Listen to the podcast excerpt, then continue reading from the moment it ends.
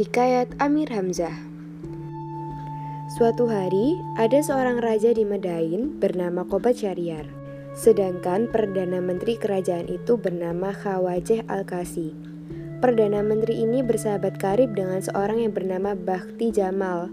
Bermula persahabatan dua orang inilah cerita Amir Hamzah dimulai. Suatu hari, Kawajeh memberitahu sahabatnya, Bakhti Jamal bahwa temannya itu akan mendapat celaka.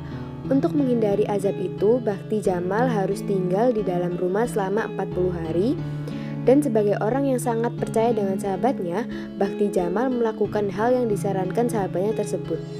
Tetapi pada hari ke-39, Kawajeh mengajak Bakti berjalan-jalan. Sebenarnya Bakti sudah curiga karena Kawajeh menganjurkan ia tinggal di dalam rumah selama 40 hari tapi mengapa pada hari ke-39 sahabatnya mengajak dia jalan-jalan ke luar rumah?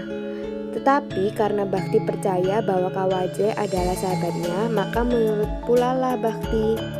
Entah karena apa, Bakti Jamal tiba-tiba menemukan harta karun yang sangat banyak. Dan seperti yang pernah ia khawatirkan sebelumnya, ternyata persahabatan Kawaje tidak tulus.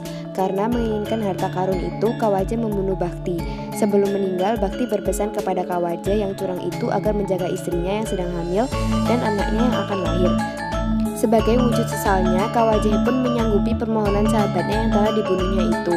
Akhirnya, Janda Bakti melahirkan seorang anak yang diberi nama Buzur Jamir. Buzur Jamir adalah seorang anak yang cerdas.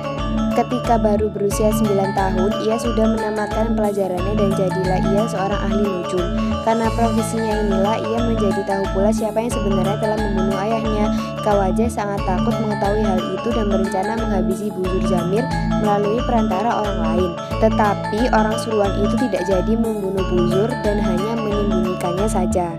Dan pembalasan pun datang. Suatu ketika Raja Kobat Syariar bermimpi sebagai seorang perdana menteri dipanggilnya lah Kawaje untuk menafsirkan mimpi raja.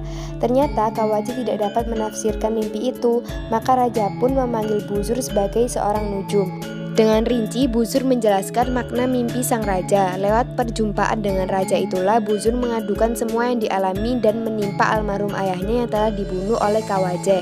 Maka murkalah raja kepada Kawaje dan menyuruhnya untuk dihukum mati.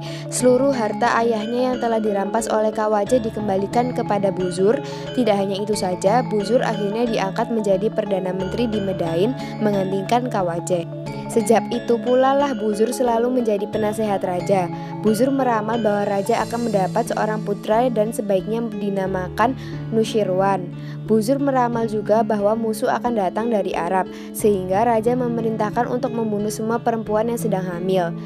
Nun di tempat lain, di Mekah ada seorang yang bernama Abdul Muthalib yang memperoleh seorang putra dan diberi nama Amir Hamzah. Sedangkan bujangnya Umayyah Al-Damri juga mendapat seorang anak yang dinamainya Amir bin Umayyah. Buzur yang mendapat tugas dari raja untuk membunuh semua perempuan hamil dan bayi yang baru lahir tidak tega membunuh dua bayi itu. Bahkan dalam pengelitaannya, kedua bayi itu akan menjadi orang besar, maka kedua bayi itu tidak dibunuhnya.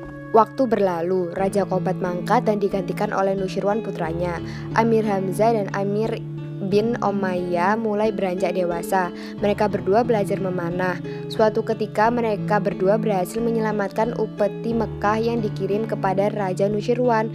Penyamun yang akan merampas upeti itu akhirnya menyerah pada Hamzah dan menjadi pengiring Hamzah yang setia. Hamzah jatuh hati pada putri Raja Nushirwan. Nama putri itu adalah Minigar. Putri itu pun jatuh cinta kepadanya. Ketika mereka berdua sedang berjumpa di dalam istana, Raja Nushirwan melihatnya. Maka murkalah raja dan berencana menangkap Hamzah. Berbagai macam cara ditempuh untuk membunuh Hamzah. Berbagai tipu muslihat dicoba, tetapi Hamzah berhasil lolos. Pernah raja mengumpankan anaknya, tetapi putrinya justru tertawan oleh Hamzah. Dan pada hari ketiga, kedua putri raja itu diantar kembali ke istana.